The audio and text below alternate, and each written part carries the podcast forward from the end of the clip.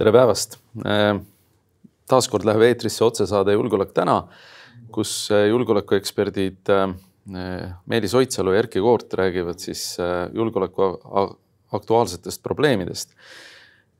tänase saate teema on julgeolekukriisid, väljakutsed ja võimalused aastal kaks tuhat kakskümmend kaks ja, ja kuna meil on pakkuda päris suur valik, siis lähme kohe peale. julgeolek täna alustab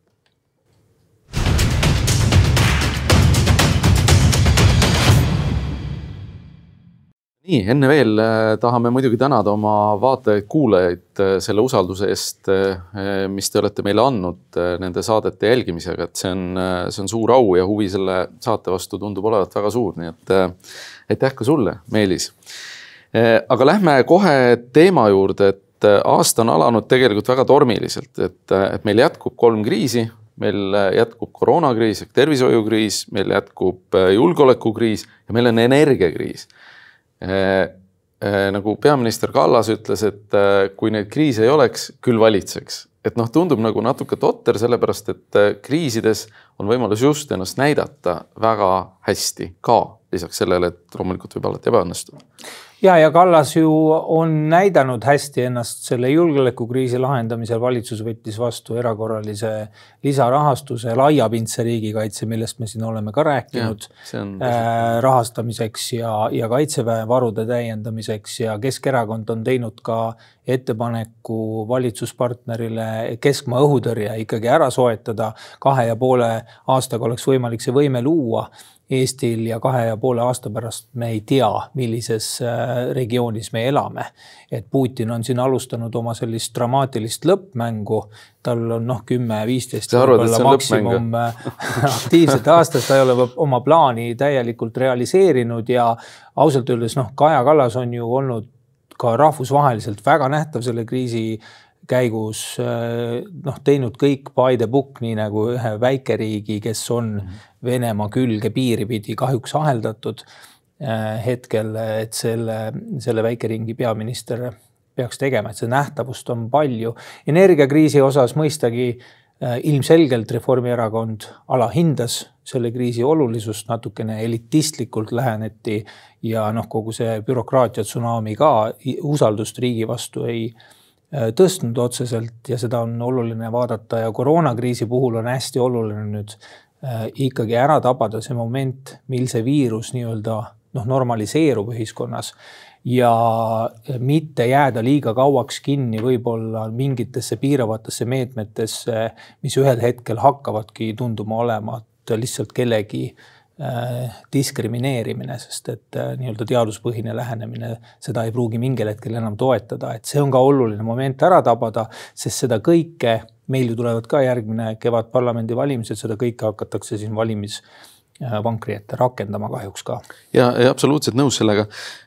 Äh, äh, julgeolekukriisist ma eraldi selle punkti all ei räägiks rohkem, sellepärast sellest me räägime terve ülejäänud saate. küll aga koroona puhul äh, tegelikult seesama piirangute teema, mida sa puudutasid, minu arust on üks väga ohtlik moment siin, et poliitikud on juba hakanud üksteise võidu pakkuma välja avamise võimalusi. varasemalt seda pole olnud, nüüd on justkui alanud selline spurt eks äh, Jüri Ratas pakkus siin välja, kohe on kohal ka teised, eks. et, et noh, ilmselgelt on mingit diskussiooni vaja, et mida me teeme edasi, kuidas me lähme edasi. aga mulle tundub, et natuke selline nagu uisapäisa tormamine käib ja, ja võib-olla see ei ole sellesse, sellesse noh, ütleme kriisi reguleerimise mõttes nagu kõige mõistlikum käik. ja noh, mis puudutab energiat, siis ma olen ka nõus, et, et mitmed poliitilised jõud tegelikult alahindasid mitmed poliitilised jõud minu arvates ei ole osanud seda ka kapitaliseerida. Äh, näiteks sotsid, kes oleks võinud, äh, eks noh, sotside põhiolemus on ju, et seista ju rahva eest noh, minu arust sotsid on nagu täiesti pildilt kasu, kadunud, et Indrek Saar ei ole isegi pea, peaministrite konkurentsis üheski arvamusküsitluses. okei okay,, ta ilmselt, noh, mitte ilmselt, ta on ka teatanud lahkumisest aga minu arust sotsid on ja, ja mitu teist parteid, kaasa arvatud Eesti kakssada, on jätnud selle energiakriisi nagu täiesti ripakile. aga nagu julgeoleku mõttes minu arust on, on see, et kui me räägime siin toimepidevusest ja, ja varu enne maru stiilis, siis noh, pagan küll, kogu austuse juures see, see gaasiküte või elektriküte, maaküte või ükskõik mis asi ei aita sind kuskil hajaasustuspiirkonnas, aitab ainult ahiküte. aga selle peale meie keskkonnaministeerium teatas alguses, et ahiküte tuleks üldse ära keelata. et ausalt öelda sellist lollust nagu tänapäeva maailma nagu kriisi kontekstis on isegi raske mitte välja mõelda, noh, on ka seda keeruline, aga taluda on, on seda raske. kütad elektriga, ise oled rumal, et elektrit panid, kütad gaasiga, toetad Venemaad ja oled rumal.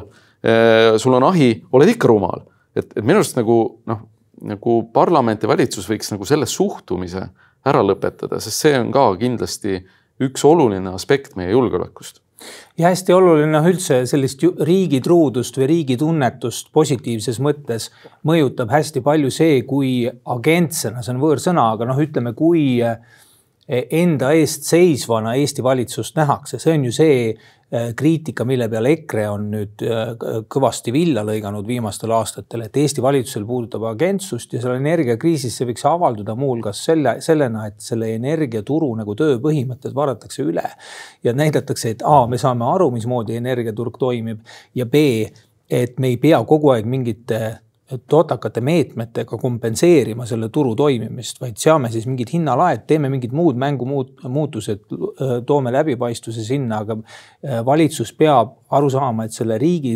truuduse, riigitunnetuse, kaitsetahte seisukohalt sellise agentsuse näitamine on oluline ja see ei tohiks olla ainult EKRE privileeg. ja, täiesti nõus ehm, ma arvan ka, et Eesti huvide eest seismine ei ole kuidagi asi, mida peaks ainult EKRE kapitaliseerima ja see on asi, mida ei tohi häbeneda eh, ühegi poliitilise jõu poolt. Eh, lähme teema juurde Ukraina, kus eh, Ukraina puhul on noh, selgelt, et tegemist on täna ühe, ühe maailma mastaabis olulise julgeoleku sõlmpunktina, et Vene väed jätkuvad koondumist Valgevenes algasid õppused, ühisõppused, äh, tulemas on olümpiamängud, noh, nagu me teame, eks äh, kaks tuhat kaheksa olid olümpiamängud Pekingis muuseas, suveolümpiamängud, kui Venemaa tungis Gruusiasse. kaks tuhat neliteist, kui toimus Krimmi ründamine ja Ukraina idaalade hõivamine, olid just lõppenud Sotši olümpiamängud ja paraolümpiamängud veel kestsid tegelikult olukord on nagu päris plahvatusohtlik ja tegelikult liitlaste vahel on ühelt poolt ühtsus, noh, teiselt poolt on ikkagi noh, tuleks olla mõõdukalt tähelepanelik või noh, ütleme väga tähelepanelik, võib-olla mõõdukalt ärev. USA presidendi Bideni jaoks kogu see Ukraina asi noh, on sama halb ja ootamatu uudis, kui on ninale ilmunud Vinn teismelise jaoks, kes tahab õhtul minna koolidiskole, et ta ei plaaninud sellega tegeleda. Biden tahtis Iraani asjas, Iraan on lähedal jõudmas tõesti tuumakütuse rikastamisele määral, mis võimaldab jõuda sinna lävendile, kus teha tuumarelva. Iraan ei pruugi ilmtingimata tahta teha tuumarelva, tuumarelva, aga ta tahab, et see optsioon oleks tal laual, et ta saaks maha võib-olla muud sanktsioonid, mis ei ole tuumaprogrammiga seotud ja saaks üldse natukene leverage'i juurde oma positsiooni kindlustamiseks. Äh, Hiina loomulikult oli Bidenil menüüs, et, äh, et jah, see Ukraina asi on hästi ootamatu segav faktor. Bidenil on tulemas, me räägime siin hiljem valimistest ka, aga tulemas veel vahevalimised, et sel aastal on, ütleme ka Putinil sellist survestamisruumi Bideni osas üsna palju, et kuidas seda. Kriisi ära kasutada ja ajatada täpselt seal mingeid samme. põhimõtteliselt Ukraina osas on kolm järgmist stsenaariumit võimalikud. üks on see, mille poole tegelikult ka Eesti poliitikud, kui nad räägivad, et peame ühtsust näitama ja heidutama, äh, pürgivad, on see, et Putin saab aru, et okei okay,, täiendav sõna, sõjaline rünnak äh, tooks talle liiga palju kulu ja siis äh, ta teeb tõenäoliselt nende prokside nii-öelda kriminaalse võrgustiku kaudu, kes tal on seal Donbassis juba olemas, võib-olla teeb mõned nii-öelda jõunäitamised, oma väge sinna üldse kaasamata ja siis hästi pikal tasa, nii et inimesed lihtsalt unustavad ära, et seal Vene piiri ääres mingid sõjaväelased üldse olid või seal Ukraina piiri ääres, viib siis oma väe minema, see on see plaan, mida me loodame toimub. teine plaan on see, et ta teeb ikkagi mingisuguse šokirünnaku, et ta korraldab mingi pingekolde, kuhu Ukraina vägi angažeerub. selle lühikese konflikti käigus ta hävitab ära mingid olulised võimed, mis Ukrainal on oma süsteemi juhtimiseks või ka noh, need kardetud, ma ei tea, tosin Türgi drooni või mis iganes, nõrgestab Ukrainat nii palju, et see jõudude tasakaal läheb nii hulluks et läänel on justkui moraalne noh, humanitaarkohustus juba sekkuda ja lääne jaoks muutuvad ka need muud ettepanekud, mida me peame jaburaks, mis puudutavad ka Balti riikide asja äh, ja staatust äh, apetiitsemaks, tekib surve, et mingi patsifistlik paatos, teeme ära. vähemalt osa sellest. ja kolmas variant on siis see, et ta tõesti angažeerib Äh, siis kogu oma väge selleks, et viia siis need noh, ilmselged miinimumid äh, ellu, miinimumplaani, see on siis mingi maismaakoridori tekitamine Krimmi, äh, võib-olla ka Harkovi nii-öelda lisamine nende ebamääraste rajoonide sekka. ja seda kõike loomulikult selle kaalutlusega, et saada ikkagi mingilgi moel Kiiev kuuletuma. ükskõik, kas seal on Zelenskõi, kes mingitel tingimustel on sunnitud kuuletuma või, või keegi teine eh, eh, nii-öelda valitsusvahetus. et need on need stsenaariumid ja loomulikult loodame, et see esimene saab tõeks e loodame, et ükski neist ei saa tõeks, eks, et, et. no see esimene, et, et, et, et, et ei toimu füüsilist eskalatsiooni.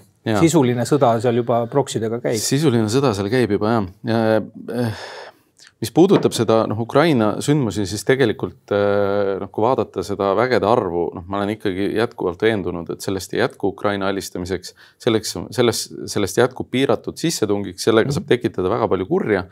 ja, ja minu nii-öelda pakkumine lisaks nendele sinu pakkumistele on see, et äh, toimub äh, väga piiratud sissetung selleks, et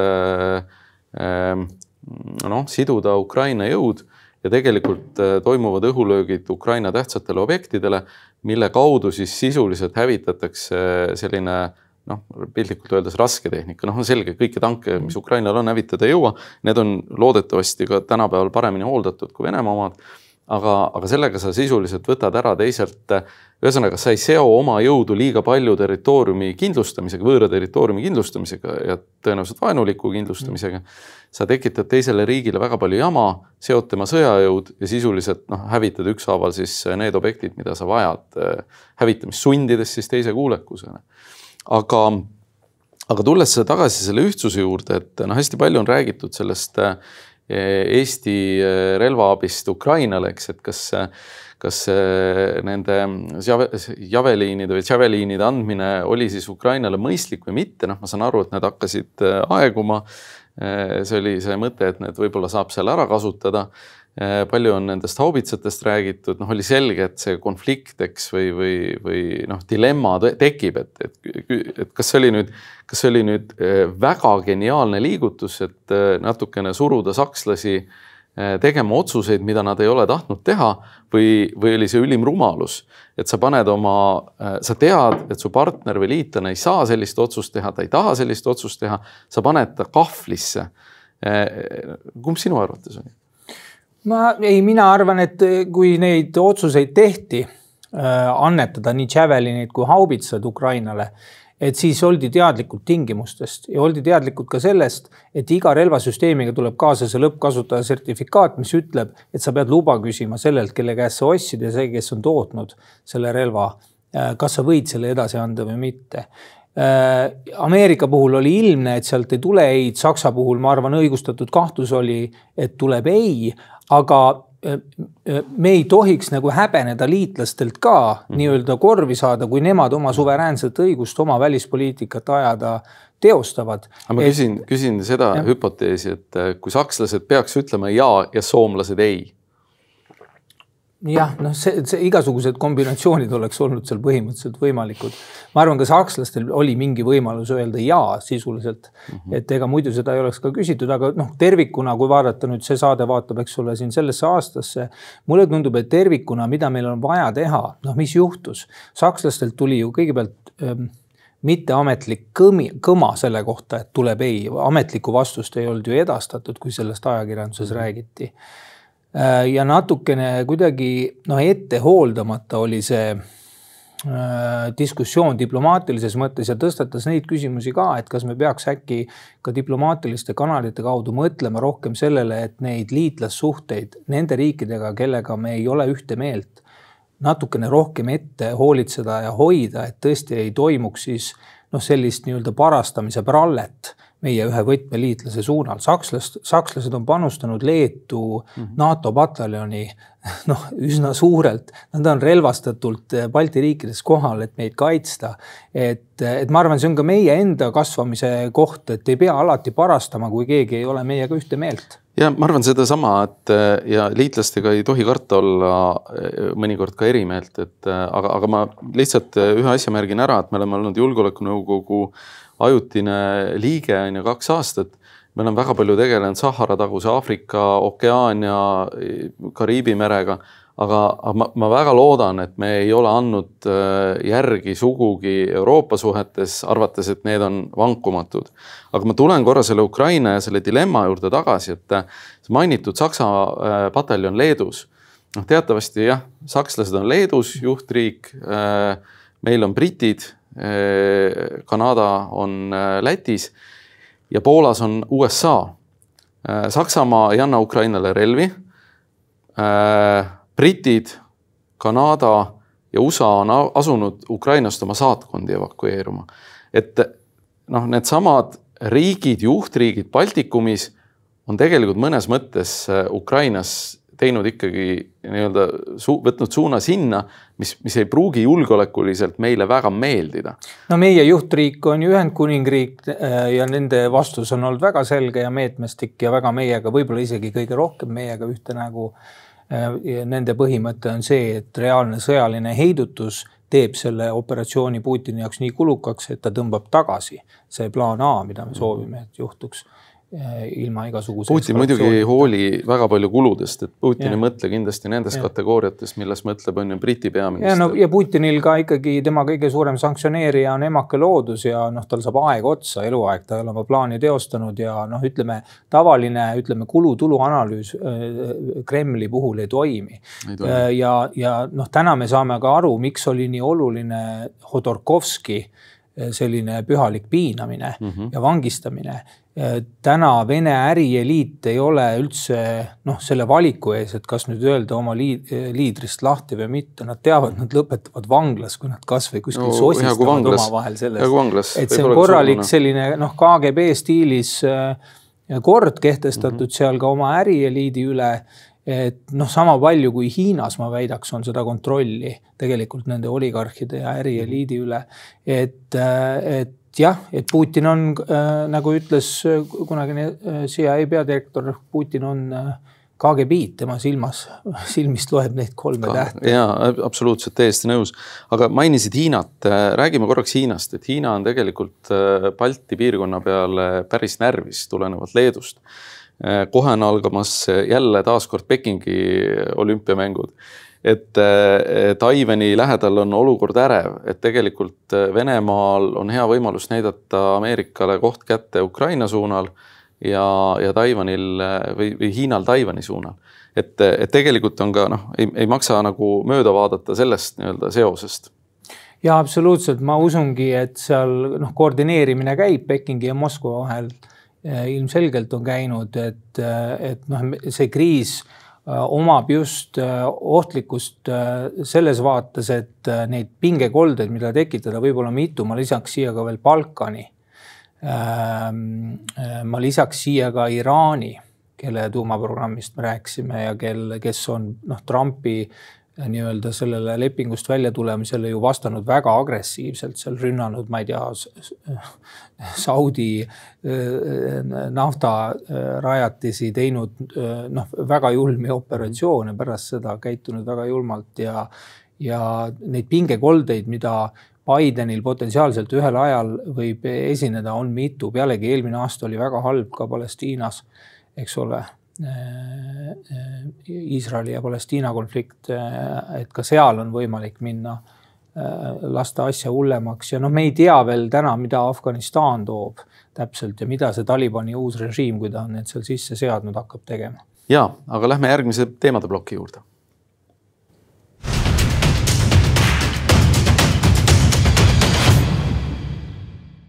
nii äh,, valimised, referendumid rahva vaba tahte väljendus. meie piirkonnas on juba veebruari lõpus üks väga oluline sündmus. Valgevenes toimub referendum, kus Lukašenko tahab põlistada oma võimu.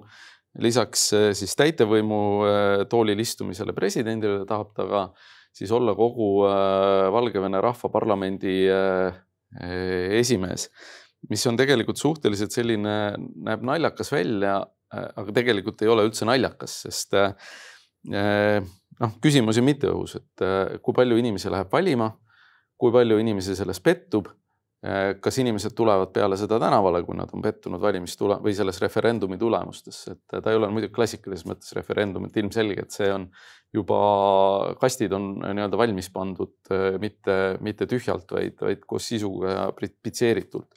et, et see on meie regioonis kindlasti nagu noh, ülioluline, kakskümmend seitse veebruar ja no e, eelmine aasta kõige olulisem areng võib-olla meie regioonis oligi see, et Lukašenka vahetas oma nii-öelda geopoliitilist profiili, enne ta oli selline taltsas autokraat suhteliselt ja mingil määral ikkagi majanduskoostööle orienteeritud e, regiooniga. nüüd ta on ilmselgelt läinud selle, seda teed, et sisuliselt e, noh, poliitiliselt on ta annekteeritud ja temaga koos ka Valgevene, et Vene väed on seal pretsedenditult suurel määral kohal et äh, noh, ütleme äh, ka igasuguse nii-öelda äh, selle sõja õhustiku raames igasuguse rahva ülestõusu nagu oht on pigem nagu väiksem, sest väga jõuliselt kindlasti kohe alguses reageeritakse ja ei kardeta ilmselt valada verd ka ja ma arvan ka, et, et seekord äh, reageeritakse rahvarahutustele kindlasti jõulisemalt ja, ja verisemalt, sellepärast et äh, eelmine kord noh, oli ikkagi natukene see olukord selline ehmunud ja, ja võib-olla püüti natukene säilitada nägu, noh, täna ei ole enam nägu, mida säilitada.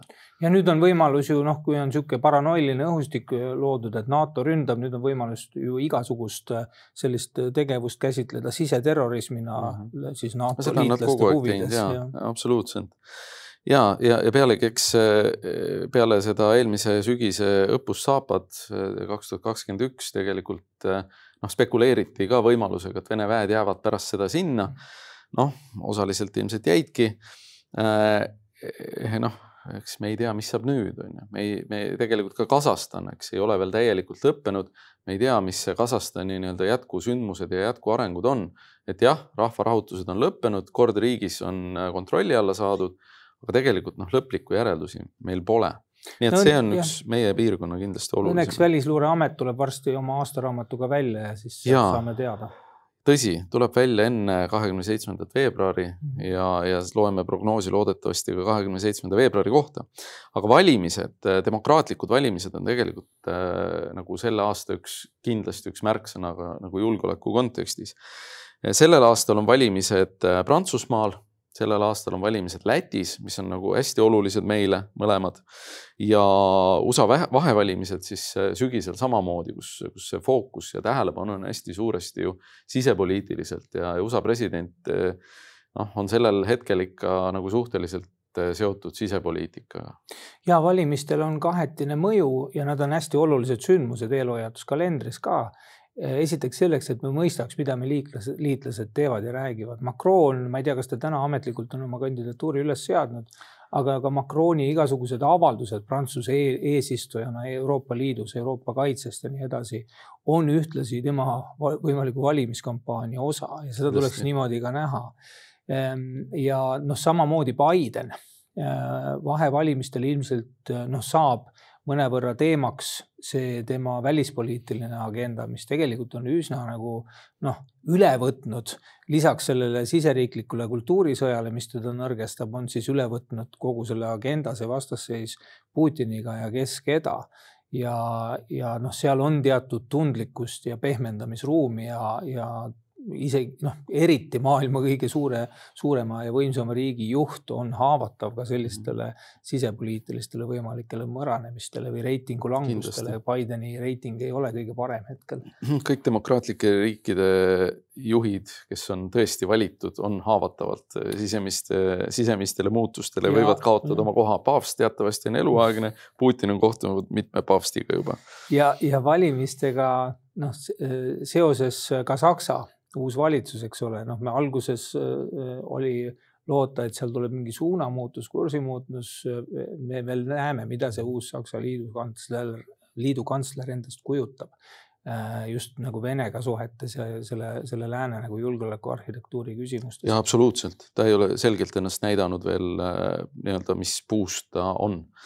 Äh, aga, aga Prantsusmaa valimiste kohta, noh, minul on ikkagi nagu see, see nagu noh, õhku visatav hüpotees, et, et kui võidab Le Pen, eks, et Le Pen on kaotanud noh, mitte väga suurelt varasemalt. Need meeleolud on ju tulenevalt ka sellest äh, koroonakriisist, äh, on kindlasti Le Penile toetusele noh, pigem mõjunud hästi. noh, kas see, kas see ka valimistel realiseerub, noh, seda me näeme.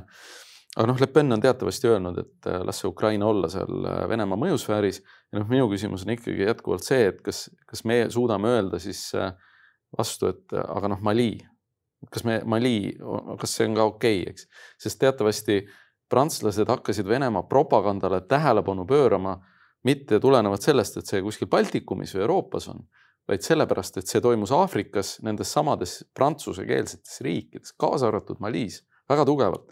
See tekitas prantslastel huvi alles äh, nii-öelda elulise huvi Vene propaganda vastu. nii et see on ülioluline tegelikult. ja üldse Venemaa noh, seiklused Aafrikas hakkavad ka mõjutama sel aastal ilmselt Äh, oluliselt pilti, et see. sinna me kohe jõuame. Wagneri sinnaminek võis olla ka ainult esimene samm suuremast mängust seal. ja absoluutselt. Äh, järgmisel aastal on valimised Eestis, valimisvõitlus tegelikult osaliselt juba käib. See on selge, et äh, sügisel näeme me veel tormilisemaid arenguid, valimisvõitlus hoogustub. noh, ega, ega see on selge, et sellel hetkel ongi poliitikute fookus valimistel ja noh, siin on hästi oluline needsamad äh, mainitud kriisid. Äh, et kuidas neid debatis, kas eskaleeritakse või mitte. Ma arvan, me kindlasti näeme EKRE poolt siin mingit eskaleerimise üritust, ma arvan, EKRE-le omaselt võib leida ka veel mingeid põhjuseid, miks tekitada mingeid täiendavaid rahvaüritusi nii-öelda, kuidas tänavatele tuua rohkem seda poliitikat, ma arvan, et siin neil noh, paar sammu on veel teha. ma arvan, läheb ka, mm, tuleb ka esile sel aastal, kas just valimistega seoses, aga siiski natukene ka seda retoorikat, mis ütleb, et noh, tegelikult peaks venelasi mõistma ja neil on, eks ole, mingid legitiimsed mured ja et nad, me ähvardamegi neil, olemegi neile. Neil ongi kindlasti mured, kindlasti neil ongi mured. et seda ka kindlasti ei tasu, tasu ähm, äh, alahinnata, et, et et, et neid Putini mõistjaid on ka Eestis piisavalt palju ja küllap mõni neist ka parlamenti kandideerib, aga tervikuna on see hoituse tunne, mhm. mis kriisi hetkel on olulisem kui, ähm, kui, kui noh, ühelgi teisel hetkel ja see hoituse tunne ei pea tähendama seda, et me ei tohi oma probleemidest rääkida. vastupidi, me peame rääkima, aga peame tegema seda täislausetega niimoodi, et inimesed saavad aru, mida nende riik teeb ja siin on nagu Kadri Liik eile väga õigesti ütles, siin on tegelikult noh, mingid muud asjad ka mängivad rolli. kas me keskkonnateemadel, kogu see metsa nii-öelda raie teema, kas me, kas me seal näitame välja, et me tegelikult hoolime oma maast riigist, kas me täna on Riigikogus randa ehitamise seaduseelnõu, mis on puhtalt mhm. Kristen Michali äh, algatus, seal on raudselt mingid rahastajad ka taga, lihtsalt rikkad inimesed tahavad endale randa midagi ehitada. noh, praegusel hetkel äh, kus äh, meil on äh, niigi juba selle energiaturu kõikumiste tõttu tekkinud selline noh, mingi segre-, lihtsalt ainelise segregatsiooni ja sellise klassi nagu pingete teema. praegusel hetkel tulla sellise asjaga välja et kui Reformierakond seda teeb, siis eh, noh, Kaja Kallase kümneprotsendilisest toetusest saab viis protsenti. noh, nad vist küll välja tulid enne seda, kui, eh, kui see energiakriis eh, nii suureks läks. jah, aga täna on see ometigi eetris, Riigikogul, Riigikogul ei ole aega arutada väga julgeoleku küsimusi näiteks, aga sellise eelnõuga on aega tegeleda mis no., noh, millega te tegelete seal?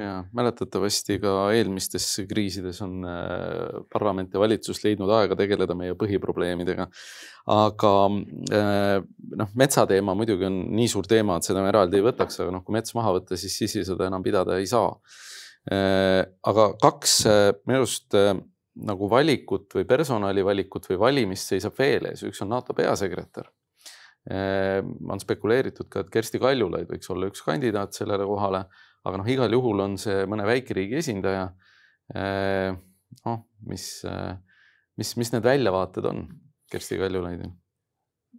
ma ei ole nagu selle gossipiga väga kursis, et, et kelle aktsiad ja, ja, ja millised kandidaadid seal, seal praegu reiting, mis reitingut omavad, aga noh, ülioluline on see uus NATO peasekretär, sest et Stoltenberg on olnud selles kriisis äh, väga äh, küll nii-öelda eiratud mm -hmm. inimene, et ühesõnaga teda nagu ei olekski olemas Bideni jaoks Äh, aga ta on äh, olnud väga, kuidas inglise keeles öeldakse, composed või ta on püsinud koos, andnud -hmm. välja selgeid sõnumeid mm -hmm. ja, olnud tõeline liider mhm. Selles kriisis, kus ta oleks võinud minna katki, sest et peamine rahastaja sisuliselt eitab ta olemasolu, mhm. eks ole no,, USA näol mm. näitel. et selle, selle inimese isikuomadused võib-olla isegi on olulisemad kui tema rahvuslik kuuluvus mm. -hmm. ja noh, ma väga loodan jah, et sealt tuleb keegi, kes on realistliku vaatega Venemaale mm. -hmm. ja eh, üks Eestis seisab ka ees ühe julgeolekuteemalise koha täitmine, julgeoleku koordinatsioonidirektor Riigikantseleis, kus on varasemalt olnud üks eh, sellised staarid nagu Eerik-Niiles Kross ja Rainer Saks. et täna see koht ei ole väga nii-öelda mõjukas, aga, aga tegelikult noh, võiks olla ja, ja ma arvan, et selli, sellisel kohal peaks olema pigem mõni endine kindral kui lihtsalt mõni, äh, mõni äh, selline nähtamatu ametnik see on noh, Eerik-Niiles Kross oli selline, ütleme osa juba meie rahvakultuurist, et ta oli sellise tärkava Eesti riigi eneseteadvuse üks upitajaid, et oli. aga ta oskas selle koha suureks. lääneliku olekuga kuure spets. see, see, see par, personali hulk on seal mm -hmm. täna ju palju suurem, kui see oli Eerik-Niiles Krossi ajal. et see oli päriselu, James Bond oli meil Krossi näol ja eks ta natuke selle äh, renomee najal lendab mm -hmm. ka praegu edasi poliitikas aga see koht on märkamatult muutunud üheks olulisemaks üldse Eesti Vabariigis kriisikindluse ja enesekindluse osas ka. ja, ja, ja noh, see ütleme viimased, eks ole, personalivalikud ei ole sellele väga nagu osutanud, et mõeldakse, et paneme lihtsalt niisuguse noh, reaametniku, kes teeb oma töö ära, kellegagi tülli ei lähe. aga noh, liidrit ei ole, eestvedajat ei ole ja praegu on kahjuks noh, kui rääkida Indrek Sirbist tema äh, tulemuste portfoolio on ikkagi väga õhuke mm. -hmm. et sisuliselt on toimunud paigalseis, noh, mingites väga olulistes asjades pole üldse praktiliselt midagi Sirbil enda äh, äh, kontosse kirjutada, et noh, järgmine inimene peab olema lihtsalt elementaarselt suutlik mingeid tulemusi saavutama ja eesmärke seadma ka. sest see inimene peab olema, ta osaleb Vabariigi Valitsuse Julgeolekukomisjoni istungitel, ta peab ka seal olema liidri rollis mm -hmm. ja noh, pigem, pigem tõstma valitsuse ambitsioonitaset, kui seda suretama Kindlasti. oma, oma suutmatusega mingeid asju äh, realiseerida. kui vaadata suuri riike, siis seal on ikkagi kas mõni kindral, suursaadik või, või äh, miks mitte ka näiteks politsei peadirektor et, et see, see, see koha mõjukus on kindlasti see, mida Eestis ei peaks alahindama. ta peaks ka oluliselt noh, kasvatama seda personali seal, eks, et ta liiga suureks ei saa kindlasti minna. aga, aga see mõju on, aga ma võtaks veel kaks äh, julgeolekuvalikut või dilemmat, et üks on seesama Aafrika, eks, mida sa mainisid, et kuidas Wagnerlased, kuidas Euroopa on ju, mida teha Malis. ja teine on tegelikult Rootsi ja Soome äh, debatt seoses NATO-ga liitumisega, mis on see aasta väga selgelt elavnenud ja, ja mille sellist jätkumist me ilmselt näeme kuni, kuni noh, sügise või, või järgmise talveni välja. Seal on Soome puhul, noh, ma siiski ennustaks, et nad eh, mingeid drastilisi samme selles osas ei astu, seal ei ole ka praegu äh, selle par Soome parlamendis näha nagu tohutult äh, poliitilist äh, kapitali inimeste näol, kes oleks valmis kohe seda, seda otsust kuidagi hääletusele panema või sellega midagi tegema ja Rootsi puhul äh, on küll parlamendis esimest korda vist ülekaal nendel jõududel, kellest on valmis Rootsi mm -hmm. kaasumisest NATO-sse rääkima, aga noh, Rootsi ja Soome sidemed ka NATO-ga on tegelikult tugevamad kui mõnelgi NATO liitlasel. ja selles mõttes äh, isegi noh, kui me vormiliselt räägime NATO-ga ühinemisest või mitte, siis sisuliselt on nad tegelikult selle kollektiivkaitse struktuuri osa ja meie lääneliku julgeolekuarhitektuuri vankumatu osa ja mm., ja noh, mis meie pigem Soome puhul tõesti ja Rootsi puhul, mis meie nüüd pingutus peaks olema, on pigem see, et me kulutame eraldi ressursse selleks, et me saaks mingisugused ka püsivad nagu kaitsekoostööprojektid ähm, äh, liikuma Soomega, kasvõi seirepiltide vahetamine sedasi, et noh, et saab, äh, oleme ühes süsteemis, Ameerika Ühendriigid ju teadupärast investeerivad siia Balti regiooni viissada miljonit USA dollarit, muuhulgas selleks, et näiteks äh, Soome ja Eesti õhuseirepilti saaks vahetada mm -hmm. ja, ja õhutegevust juhtida, et USA vaatab seda juba täna oma õhuoperatsioonide vaates Soomet, Rootsit ja Baltikumi ühtse tervikuna. et nemad ei diskrimineeri enam sisuliselt noh, on NATO-sse integreerunud nii Rootsi kui Soome. ma arvan ka ja tegelikult üks asi, mille kaudu nad on tugevalt integreerunud NATO-sse, on Euroopa Liidu liikmelisus. et väga raske on ette kujutada sõda NATO territooriumil ilma Euroopa Liiduta ja Euroopa Liidu territooriumil konflikti ilma NATO-ta. Mm. et tegelikult on see noh, selge, et see nii-öelda äh, varjatud liikmelisus või, või see varjatud liikmepilet on olemas kõik vastavused on olemas, eks äh, kaitse on üles ehitatud ju tegelikult suhteliselt sarnaselt et, et tegelikult see noh, aga, aga ma, ma ikkagi usun, et see debatt jätkub. ja miks ma loodan, et Macron võidab Prantsuse valimised, loodan sellepärast, et Macroni nägemus äh, sellisest kollektiivkaitsest, mis hõlmab ka mitte NATO liikmetest Euroopa Liidu riike. Macron on rääkinud tuumaheidutuse laienemisest kõikidele Euroopa liitlas, Euroopa Liidu liitlastele. see lähenemine ei konkureeri NATO-ga, vaid ta täiendab seda, et see on täiendav turvakiht meie turvavaibas ja selline noh, üksteist täiendav ähm, julgeoleku mõtlemine võikski Euroopa kontinendil olla pigem tavaks, me ei pea seda vältima. ja mina arvan ka, et ei pea vältima, et see, kui vahepeal Euroopa Liidu algatusi või, või ütleme, Euroopa riikide algatusi pigem naeruvääristati. ma usun, et noh, peale Trumpi ja Bideni selliseid Afganistani fopaasid, noh, võiks see aeg nagu ümber olla kus see naeruväärsena tundub.